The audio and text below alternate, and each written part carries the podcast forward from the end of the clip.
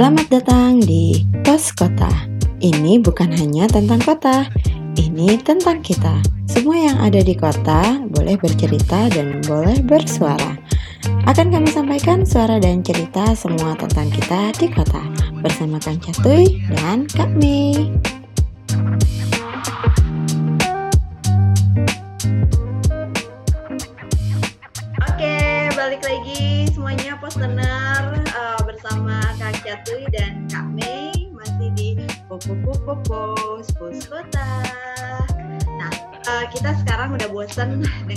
COVID-19 ya kan. Uh, jadi kita mau uh, ngomongin hal yang lain uh, yang santai-santai tapi masih asik tetap asik gitu. Nah kita udah kedatangan dua dua guest star, dua uh, bintang tamu kita. Ada Mas Andreas, Mas Andreas sebelumnya Halo. juga udah pernah ada di uh, podcast kita ya di podcast uh, ketiga kita. Terus ada Bang If Uh, manggilnya Bang If aja ya, ya lebih enak. Pengusaha, pengusaha juga di jauh di sana di Riau di Tanjung Pinang. Jadi ini khusus Kepulauan Riau. Kepulauan Riau. Riau ya. Beda loh dengan Riau. Beda dengan Riau ya. Selalu Beda. beda sama Riau. Jadi ini uh, adalah pengusaha kopi di Tanjung Pinang. Meskipun backgroundnya dia juga seorang planner loh, ya kan. Uh, tapi ya nggak tahu kenapa dia uh, apa namanya tiba-tiba termotivasi untuk uh, bisnis di bidang kopi. Nah, kita ke Mas Andreas dulu ya, Kang Catuy. Silakan Kang Catuy. Saya juga pengen lo bisnis kopi.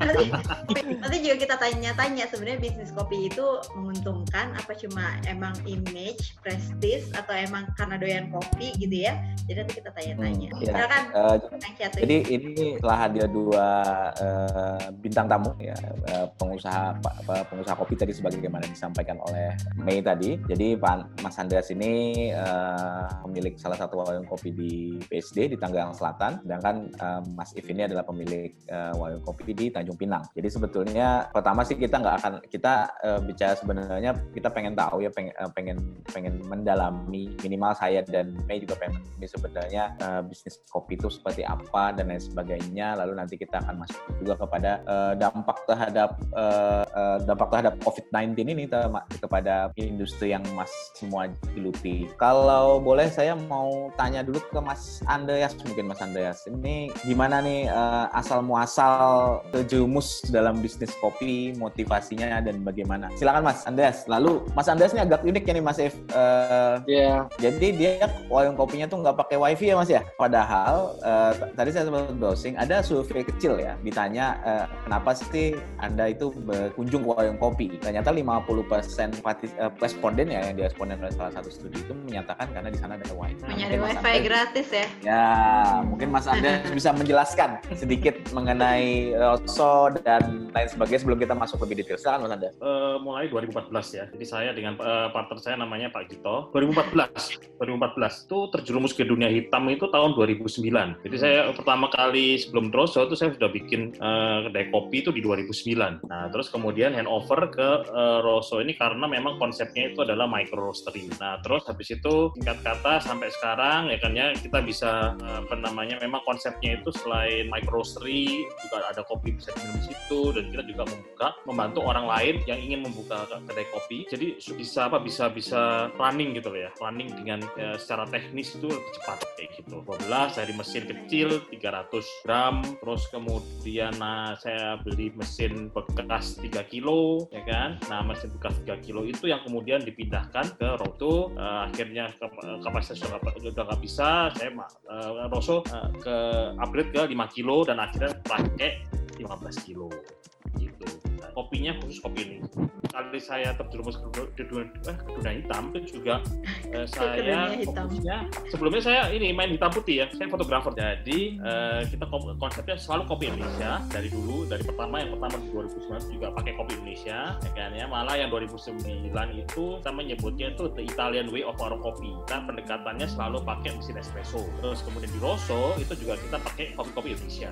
Itu kurang lebihnya. Oke, eh, kalau konsep konsep warung kopinya sendiri gimana gimana Mas Andreas yang disampaikan di Rosso mungkin biar teman-teman tahu kan kalau di tempatnya Mas Andreas itu makanan boleh diambil dari luar dan lain sebagainya. Oh, iya. Mohon Jadi- filosofinya Mas. kita bukanya di pasar kan ya. Jadi pada saat itu, pada saat itu saya dan apa namanya Pak eh, dan- partner saya Pak Gito itu kita mencari-cari lokasi kan ya. Akhirnya lokasi yang kita tentukan itu ada lokasi yang orang lain tidak terpikir. Nah, karena dalam bisnis itu kita mesti melihatnya itu kan. Kita mesti melihat peluang itu di mana orang lain tidak melakukan gitu kan. Nah, jadi kalau waktu itu carinya di ruko, mall atau di office segala macam itu sudah banyak. Jadi sebelumnya tahun, tahun 2009 itu saya eh, dengan beberapa kawan yang lain itu bikinnya di perkantoran. Nah, kenapa kok di pasar modern BSD? Awalnya juga nggak sengaja, karena biasanya eh, saya Sabtu Minggu tuh suka ngantar istri ya kan ya. Nah, biasanya kan kalau cowok itu kan kalau ke pasar kan kalau nggak makan mie ya kan ya, Ah, makan minum kopi, bubur. nongkrong, udah selesai kan?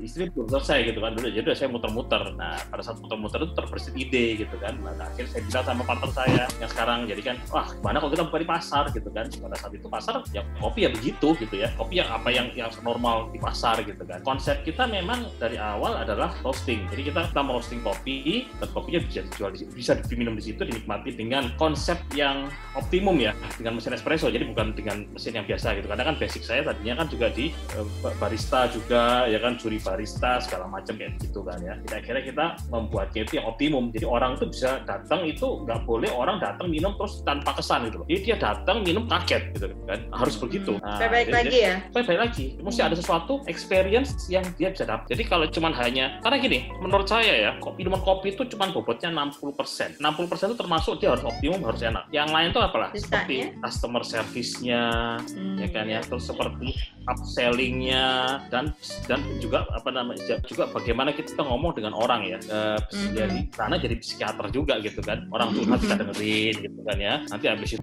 masukkan segala macam seperti itu jadi pengalaman a whole a whole experience nah itu dari dari satu apa dari satu cup of coffee nah makanya kan kalau misalnya eh, googling atau lihat di Google Map Rosso itu kelihatan tuh 360 dalamnya kelihatan Mhm. Nah itu tempatnya nggak besar. Terus habis itu kekuatan pasar itu apa sih? Kekuatan pasar itu adalah produknya itu macam-macam. Nah sehingga kita eh, kita mengkhususkan ke kopi dan kita tidak menjual makanan. Makanya muncul konsep makanan dari luar monggo, minum- minuman dari luar minggir. Sebetulnya konsep ini sendiri itu secara nggak sengaja saya dapat di tahun 2000, 2002, dua, eh, sorry 2004, 2004, 2005. Karena pada saat itu eh, waktu itu saya masih jadi fotografer, jadi saya suka meeting segala macam dan saya su- suatu saat meeting di Kemang. Mhm. Di Kemang itu ada kedai kopi yang yang kebetulan mungkin 2000 setahun setelahnya itu dia tutup. Jadi sudah ada di Jakarta dari tahun 96 sebetulnya. Konsepnya lucu. Jadi eh, kalau udah jam 9 ke atas itu dia sudah nggak nyediain makanan. Jadi itu dia sudah nggak makanan. Jadi kalau kita cari makanan yang disodorkan itu adalah apa namanya menu ayam yang depannya K, terus habis itu burger yang M, nah kayak gitu-gitu tuh menunya disajiin. Karena pada saat itu mereka punya delivery order. Jadi eh, apa namanya mereka mereka mengandalkan delivery order ya dari ada. Jadi istilahnya itu kolaborasi caranya seperti itu. Nah konsep itu yang saya ba- yang yang yang yang bisa bawa ke Rosso ya kan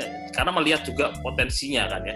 Makanan ya orang boleh be- be- boleh bawa dari yang lain, ada- apa, boleh beli dari mana masuk ke Rosso dan ternyata begitu berjalannya waktu itu eh, apa ya namanya? Itu semacam apa ya paid forward gitu ya. Jadi yang jual makanan itu akhirnya tahu kan dan kalau mereka mungkin eh, rame segala macam mereka bisa mengarahkan makanya di Rosso aja gitu kan. Atau Hmm. kalau ada yang nanya minum kopi di mana ya karena aja. tahu akhirnya mereka secara nggak sengaja mereka merefer itu Nah, Hmm, Jadi strategi marketing juga ya? ya iya Kalau- nah, ya marketing nggak sengaja sih sebenarnya.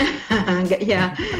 jadi jadi karena karena karena kita mengalir ya kita kan kita berusaha eh, humanis ya jadi kita kita berusaha apa ya namanya dalam dalam melakukan sesuatu itu nggak neko-neko atau bukan nggak neko-neko ya maksudnya nggak pokoknya semua orang tuh sama segala macam. Bahkan mungkin ada artis segala macam datang ke tempat kita ya kita nggak tiba-tiba selfie gitu nggak ya dimin aja gitu kan.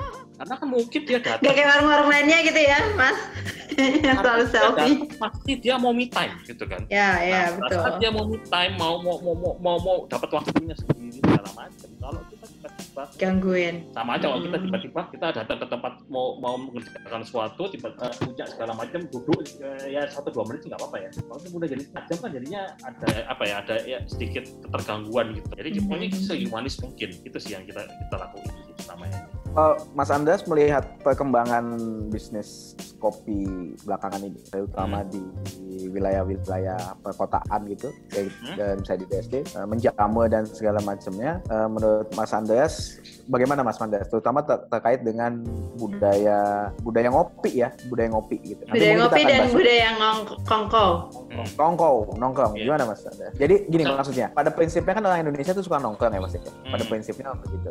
Ya. Lalu eh, bagaimana sih peran warung kopi ini dalam menyediakan tempat nongkrong? Kalau Mas Andreas lihat selama lima tahun terakhir lah dari 2014 sampai 2020 ini lah gimana? budaya kopi itu kan bukan cuma di Indonesia di setiap negara Ya. kan ya di setiap negara ya kan itu itu itu kan menjadi satu budaya jadi kalau dulu mungkin nggak seperti sekarang itu kan mungkin karena gaungnya juga nggak seperti sekarang gitu kan ya kan kalau sekarang ini kan orang itu eh, orang nongkrong ya nongkrong sih oke ya kan ya. Cuman kan sekarang ini orang kan juga ber- mencari peluang usaha. Warung kopi itu sesuatu yang kalau dilihat itu so sweet gitu ya. Dalam perjalanannya itu yang menentukan bagaimana sebetulnya bisnis itu bisa berjalan dengan apa ya going concern ya. Maksudnya terus menerus gitu loh ya. Ngebikinnya sustain gampang. gitu ya. Ya sustain. Ngebikinnya gampang. Nutupnya lebih gampang lagi gitu kan ya.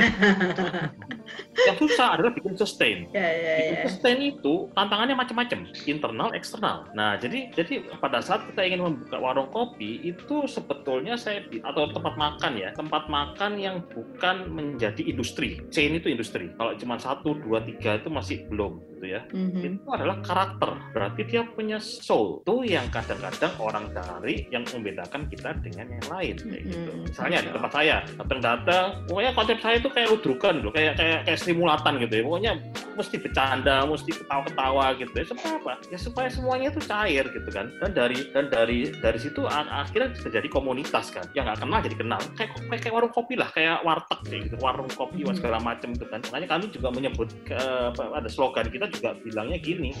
Nah, mini warkop bukan coffee shop gitu. Nah, jadi jadi apa namanya orang itu datang yang mukanya kenceng keluar mesti mesti mesti senyum gitu kan. Kalau perlu ketawa gitu kan. Jadi harus jadi happy betul. oke Oke, thank you Mas Andreas. Oke, Eh, ya. lanjut ke Mas If dulu nih. Bisa dijelaskan secara bagaimana sih awalnya dari seorang yang eh, berlatar belakang PNL, tapi nggak nggak ini nggak masalah itu ya. Jadi apa sih yang membuat Mas If tertarik masuk ke dunia bisnis, khususnya kopi di Tanjung Oke, Pinang? jadi kalau dasar pertamanya memang saya suka kopi, suka kopi. Terus saya ini kan waktu uh, hidup di Jakarta itu sering kerjanya itu nggak di kantoran lah, boleh tanya sama Mei. Jadi kerja di kafe, Kan kerja di, ya? di ah, lapangan. Jadi itu ketika pulang saya berpikir enak juga kalau punya tempat usaha bisa sambil kerja, tapi bisa juga sambil ngopi. Saya coba gabungin uh, usaha kopi, tapi di tempat itu saya juga bisa kerja. Hmm. Nah, karena Hmm. eh, tipikal saya memang bukan tipikal yang senang kerja yang kantoran gitu, Mas. Saya memang senang yang kerja itu yang di tempat-tempat yang ya tidak terlalu formal. Nah, di situ dasar saya dan saya suka kopi. Jadi saya tuh kerja kalau nggak ada kopi itu apa nggak ya? kerja Eh, nggak nggak otaknya kerja nggak jalan ya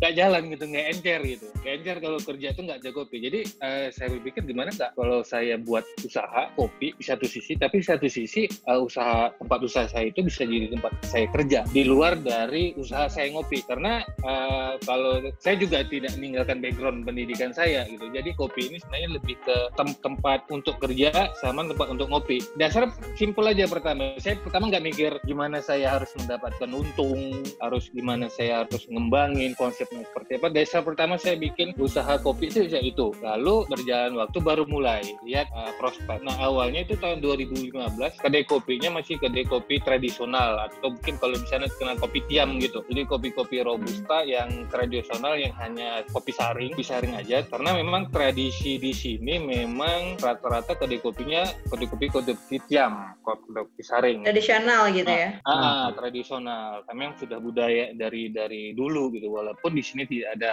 kebun kopi, tapi budaya Hmm. ngopinya yang sudah udah lama, yang udah karakter dari khas Melayunya gitu. Mhm, Tapi di mhm. kota-kota Melayu seperti Pontianak atau Medan juga punya karakter seperti itu. Nah di sini juga. Berarti- Lalu Berarti Mas ini pemain baru dong di Tanjung Pinang ini. Ya, kan belum Iya bisa dong. dikatakan baru, Ah, bisa dikatakan baru beberapa tahun inilah pemain baru. Nah eh, tahun 2017 menjelang 2018, nah kita kan ngelihat tentang perkembangan kopi juga di luar seperti Jakarta, di Jawa. up Nah muncul tuh eh, kopi-kopi yang seperti arabica, kopi-kopi eh, manual brew, espresso base, yang kalau di sini tuh masih masih dikatakan Hmm. kalau mau ngopi-ngopi itu ya di hotel gitu, kopi-kopi Hmm. manual brew, Kan kopi- Kopi hotel. modern ya, kopi modern. Ah, kopi modern.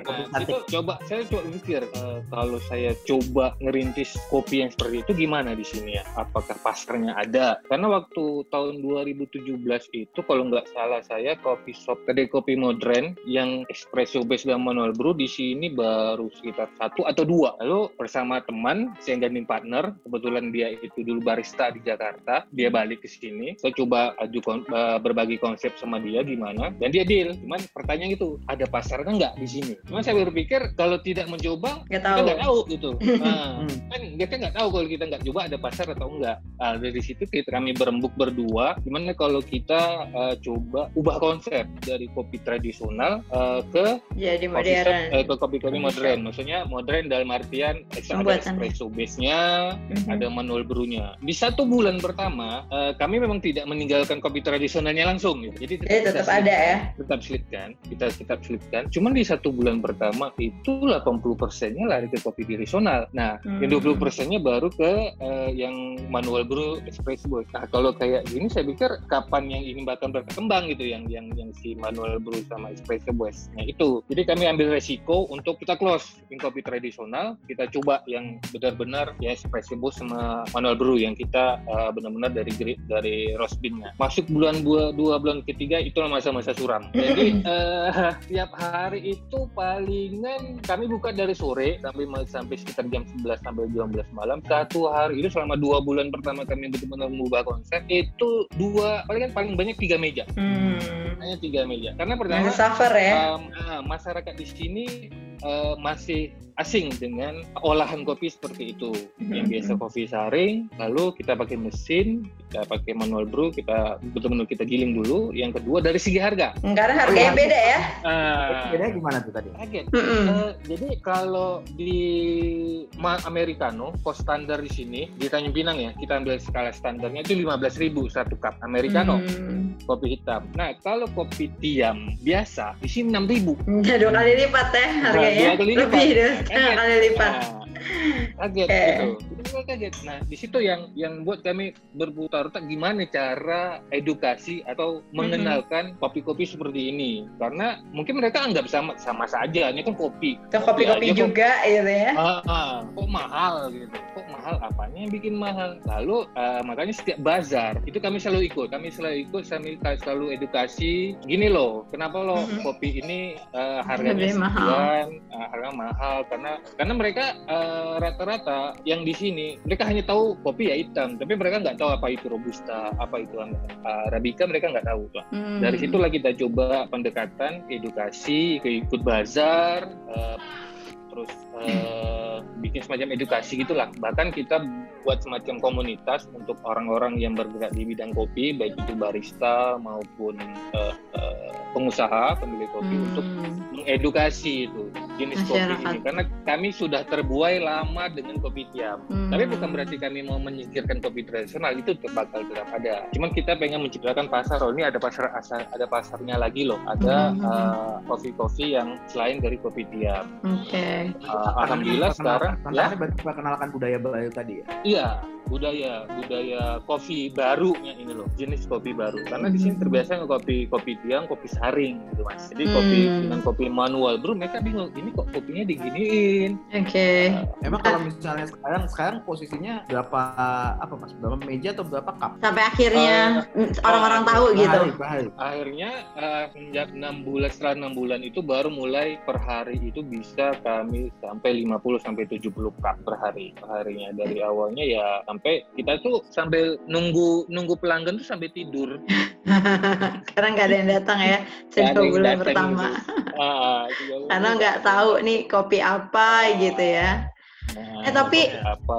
Tapi Sama, menarik saya bulan pertama juga sama tuh. Mm-mm. sama ya. Tiga minggu pertama, Andreas. dua minggu pertama nggak ada yang datang. Udah di BS pas- pada saat itu udah di pasar modern. Ya, yang di pasar modern dua minggu pertama itu saya masih jaga sendiri ya. Itu nggak ada yang datang. Ya, emang nggak apa-apa. Mm-mm. Mulai ada yang datang tuh minggu ketiga atau minggu keempat gitu. Itu kan gara-gara saya roasting kan. Roasting kan baunya kan ke mana-mana tuh kan. Iya iya iya. Hmm. Nah, itu yang membuat orang datang. penasaran nih apa nih ya kan terus coba tapi Kang Catri tadi dari penjelasannya Mas Andreas sama Mas sama Bang If tuh tadi aku dengerin kalau Mas Andreas tadi em, apa namanya bilang bahwa menciptakan komunitas sama tadi juga Bang If juga bilang bahwa dia juga meng, apa namanya mengumpulkan komunitas-komunitas jadi sebenarnya memang di bisnis kopi ini sangat penting ya untuk membuild eh, awareness sama komunitas-komunitas kalau Mas Andreas kan mungkin lebih ke komunitas consumernya gitu ya supaya ada Ya. community sehingga lebih sustain. Tapi kalau Bang If tadi eh, komunitasnya eh, para pebisnis-pebisnis juga ya untuk Iya mengenalkan sama barista, eh, mengenalkan. barista eh mengenalkan apa namanya si kopi-kopi modern. Nah,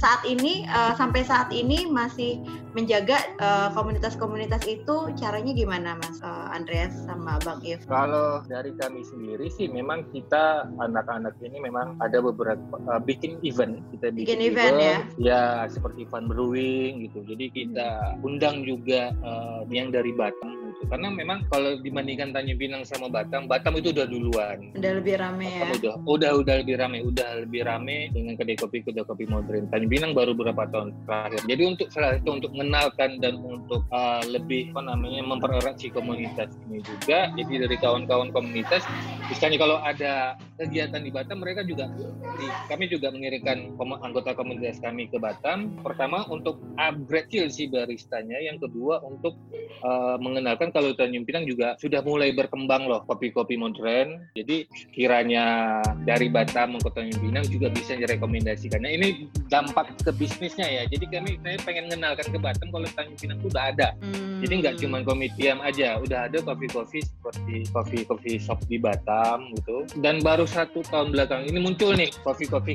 kekinian kayak Janji Hmm. Jiwa dan yang lain-lain gitulah. Oke, itu udah Itu, mulai ada ya. uh, Kalau uh, Jadi perkumpulan-perkumpulan para courier-courier gitu ada ya tapi ya di sana. Kalau kopi, nah kalau di sini ngopi itu, jadi kalau saya ngebacanya ya, nggak semua orang yang datang ke kedai kopi itu suka kopi. Jadi Terus istilah ngopi, sub istilah ngopi bukan berarti dia minum, Minum kopi, kopi.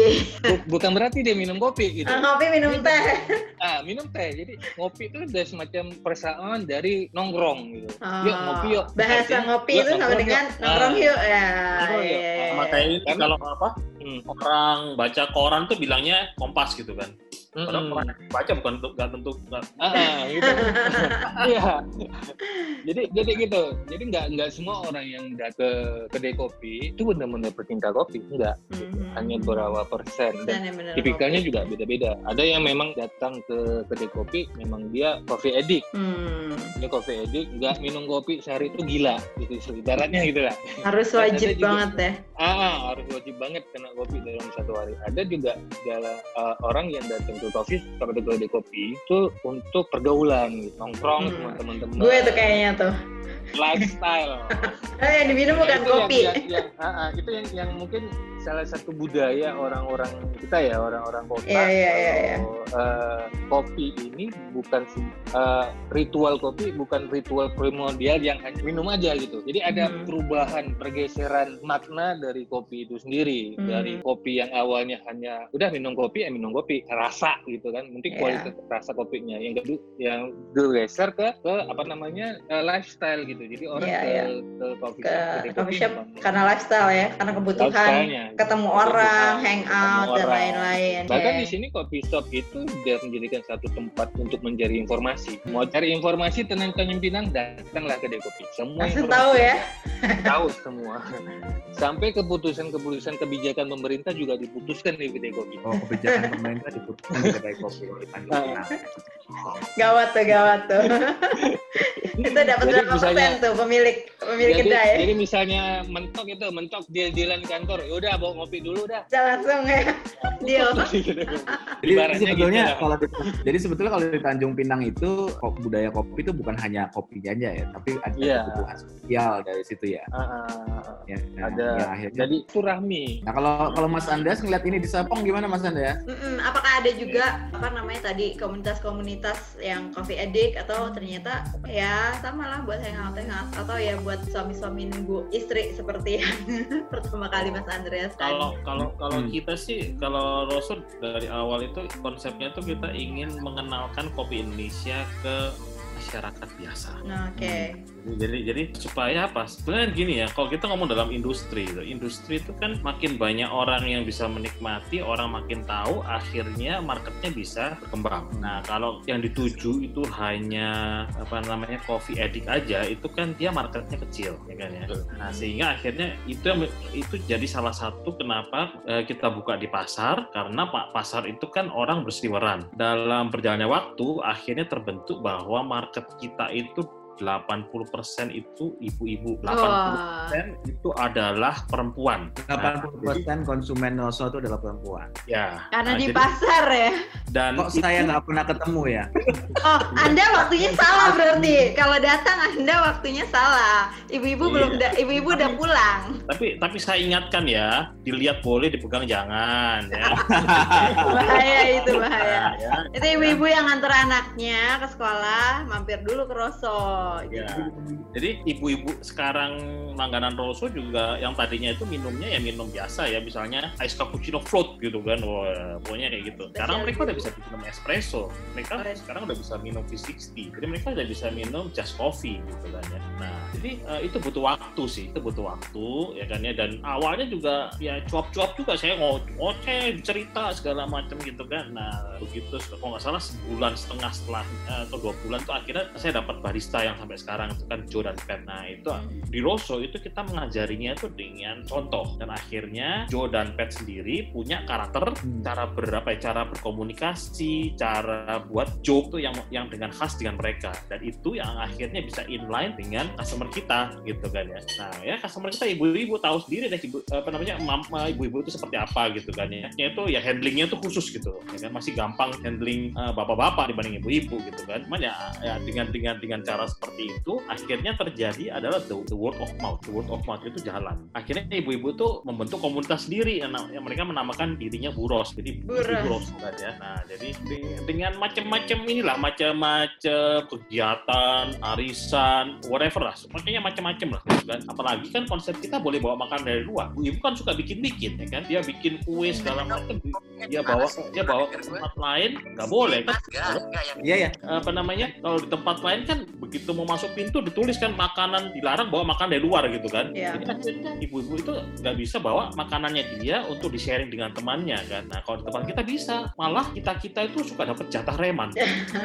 Lumayan juga tuh Mas. Makanya modelnya begini sama teman apa nama anak buahnya juga begini-begini gitu kan ya. Karena itu nah, akhirnya dapat jatah reman. Jatah reman tuh kue itu bisa ibu-ibu bawa seloyang eh, sepertiga bisa untuk kita gitu kan. Karena mereka nggak mungkin habis juga gitu kan. Gitu. Jadi jadi jadi komunitas itulah yang yang yang apa namanya yang yang yang akhirnya berkembang gitu kan. Nah, karena ada komunitas, orang lain juga melihat ya kan ya. Orang lain juga melihat kan orang-orang yang yang yang yang yang mungkin apa sih ini rame gitu kan. Terus kemudian kalau mereka lihat "Oh, ini kok eh, ini kok ada ada ada arisan ya atau ada apa, ada ulang tahun gitu kan. Jadi mereka juga ikut-ikut senyum sambil da- sambil masuk gitu kan. Jadi akhirnya ya hal-hal seperti itu yang apa namanya yang bisa membuat bisnis itu mempunyai keterlanjutan dan yang men- yang mendapatkan efek dari ini juga bukan Rosso aja ya beberapa Yang kedai kopi juga ya. ya beberapa kedai kopi yang buka jauh-jauh hari setelah Rosso itu pun juga mendapatkan manfaat.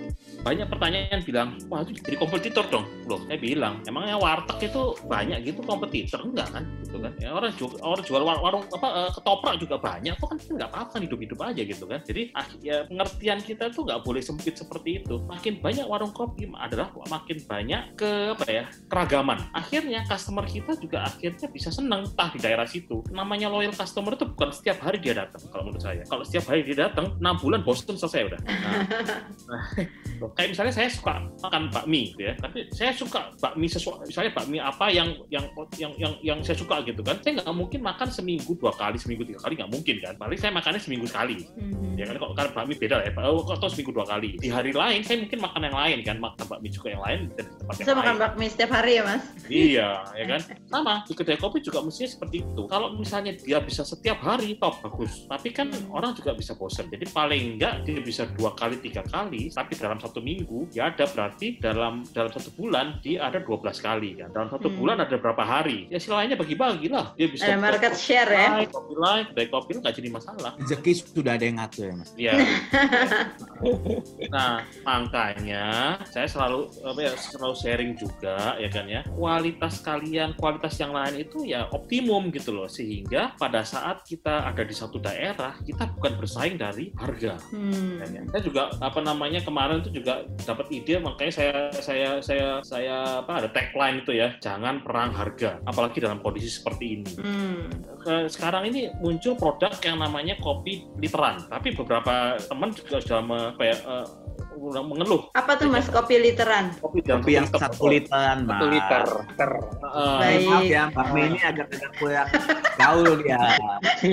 saya saya Ah. soalnya kalau dalam soal perkopian emang kurang agak-agak kurang gaul. Ada beberapa merek seperti tit satu liter, ada satu Oh liter. gitu. Oh ada ya, baru tahu. Saya Ada. biasanya perkapan aja sih belinya. Kopi khusus biasanya. Ah, Nah, oke karena oke dia, oke. kan karena, kan karena kan work from home ya, jadi kan semuanya kan harus ya ke- apa namanya dari rumah, jadi akhirnya muncul Instan. ide kopi liter itu kan. Mhm. Nah, cuman itu karena makin banyak, akhirnya harganya anu main-main main kurang-kurangan gitu loh. Nah, Hmm. sebetulnya kalau misalnya menurut saya kalau misalnya kita bisa jangan perang harga, akhirnya kan keseimbangannya kan terjaga. Hmm. Tuh. Harga sama. Akhirnya yang apa ya? Judgment untuk menentukan pembeli adalah variasi rasa, variasi karakter dari si kopi dari kedai kopi tertentu. Yap betul. Nah, betul. gitu. Jadi jadi jadi eh, dalam terutama dalam kondisi seperti ini sih sebetulnya ya, strategi kalau misalnya kita ngomong strategi itu jangan egois. Jadi jangan hanya kedai kopi saya. Karena kalau hanya kedai kopi saya, kedai kopi lain nggak bisa hidup gitu kan.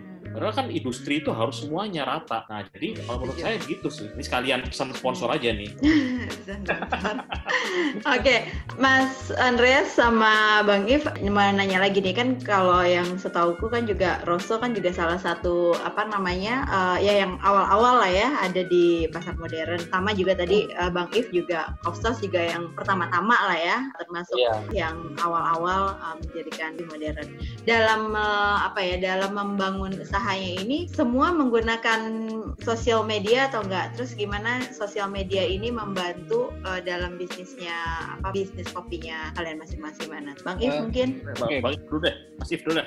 Mas If. ah. Kalau sosial media memang sangat-sangat membantu ya untuk marketing kami untuk mengenalkan uh, produk-produk uh, coffee kami. Karena memang betul kata Mas Andreas tadi, memang kita ini jangan anggap yang ada coffee shop lain buka di kota buka itu uh, sebagai saingan. Justru itu jadikan saya semakin motivasi di mana produk kedai kita ini bisa lebih unggul daripada uh, mereka gitu. Dan mereka aksinya bukan perang harga atau gimana. Jadi motivasi gimana kita meningkatkan kualitas, kita Mhm. evaluasi gimana orang bisa tertarik dengan kedai kita. Kalau sosial media memang membantu ya, membantu sekali seperti kayak Instagram atau Facebook. Cuman kalau di sini, kalau pengalaman saya pribadi ada satu hal lagi yang membantu secara tidak langsung memasarkan kopi-kopi modern ini yaitu mahasiswa, mahasiswa dari luar yang datang ke Tanjung Pinang. Caranya Jadi, gimana mereka- jadi eh, ketika libur gitu, ketika liburan gitu, mereka kan balik nih ke Tanjung Pinang dari Jawa, dari Sumatera. Mhm. Nah, mereka pasti nyari kedai kopi, kedai, eh, kedai kopi yang modern. Karena biasa di Gitu, Jakarta atau di Ya, kota-kota masing-masing ya. kota lain gitu. Aha, aha. Mereka datang nih, mereka pasti nyari, pasti nyari. Lalu ketika mereka datang, mereka bak- bakal bawa temannya. Hmm,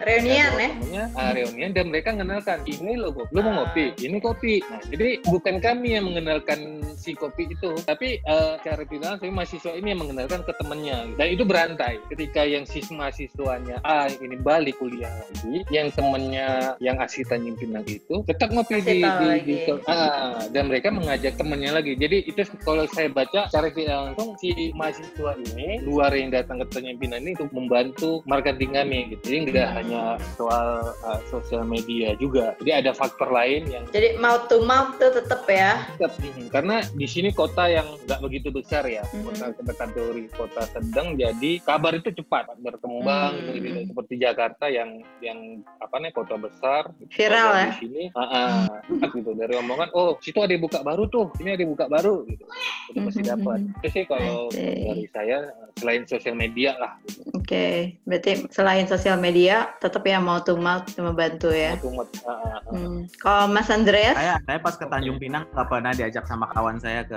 kopi. berarti dia belum tahu ada kopi Belum itu jangan-jangan. Dia Ya, tahu. jadi nanti kita kalau ke Tanjung Pinang jangan lupa datang ke Coffee Sauce ya. Itu nanti boleh kok ada apa namanya iklan-iklan Ada sedikit. logonya, nanti tak tahu logonya di sini. Nah, Kalau Mas Andreas gimana? Kalau Rosso sendiri itu eh, sosmednya itu terlambat ya. Jadi kalau nggak salah baru 2000 dua tahun setelahnya ya, dua Setelah tahun. udah terkenal ya. Eh, itu yang yang nyuruh ya emak-emak itulah gitu kan.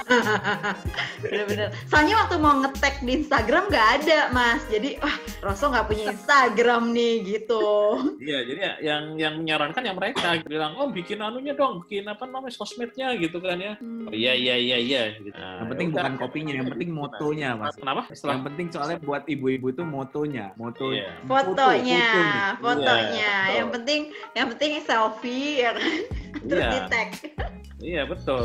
Nah itu jadi jadi tapi memang Instagram itu kita kita kita ya, ya, yang yang yang kan saya sendiri ya. Jadi uh, Instagram itu langsung di link ke Facebook sih ya. Cuman itu aja sih. Dan isinya ya mungkin lebih spontan sih. Jadi kalau datang ke kalau lihat ke Instagramnya Rosso ya isinya sih spontan ya. Jadi tidak ada foto yang direncanakan seperti apa gitu enggak sih. Nah, dan dan kita juga uh, membantu apa ya uh, kalau ada foto-foto dari customer kita gitu kan kita akhirnya uh, kita naikkan ke IG story juga gitu loh. Jadi supaya mereka juga terekspos gitu. Terus kemudian kita juga membantu mengekspos sosmed dari apa ya? uh, kita punya apprentice ya. Apprentice itu adalah kedai kopi yang kita bantu untuk wujudkan gitu. Nah, itu kalau mereka ada promosi apa, itu kita juga bantu mereka expose bisa di feed-nya atau bisa di Insta story-nya gitu. Supaya apa? Uh, sebetulnya kan dalam usaha itu kan kita itu tadi nggak boleh nggak boleh hanya memikirkan kita sendiri gitu ya. Kita harus memikirkan kan industri lain supaya bisa dia maju. Kalau dia maju, kita pun maju gitu kan. Sama, sama juga kalau customer kita dihargai ya kan ya, bisnis itu bisa lebih lanjut. Uh, sorry, mereka konsumsi lebih lanjut seperti itu sih. Jadi uh, kita berpikirnya aspeknya lebih luasnya begitu. Jadi kalau misalnya apa ada apprentice kita yang memang dia ada promosi segala macam, ya kita bantu dia promosinya kita promosi juga di Instagramnya Rosso. Dia maju otomatis ya Rosso juga ikut maju. Saling dukung ya. Iya.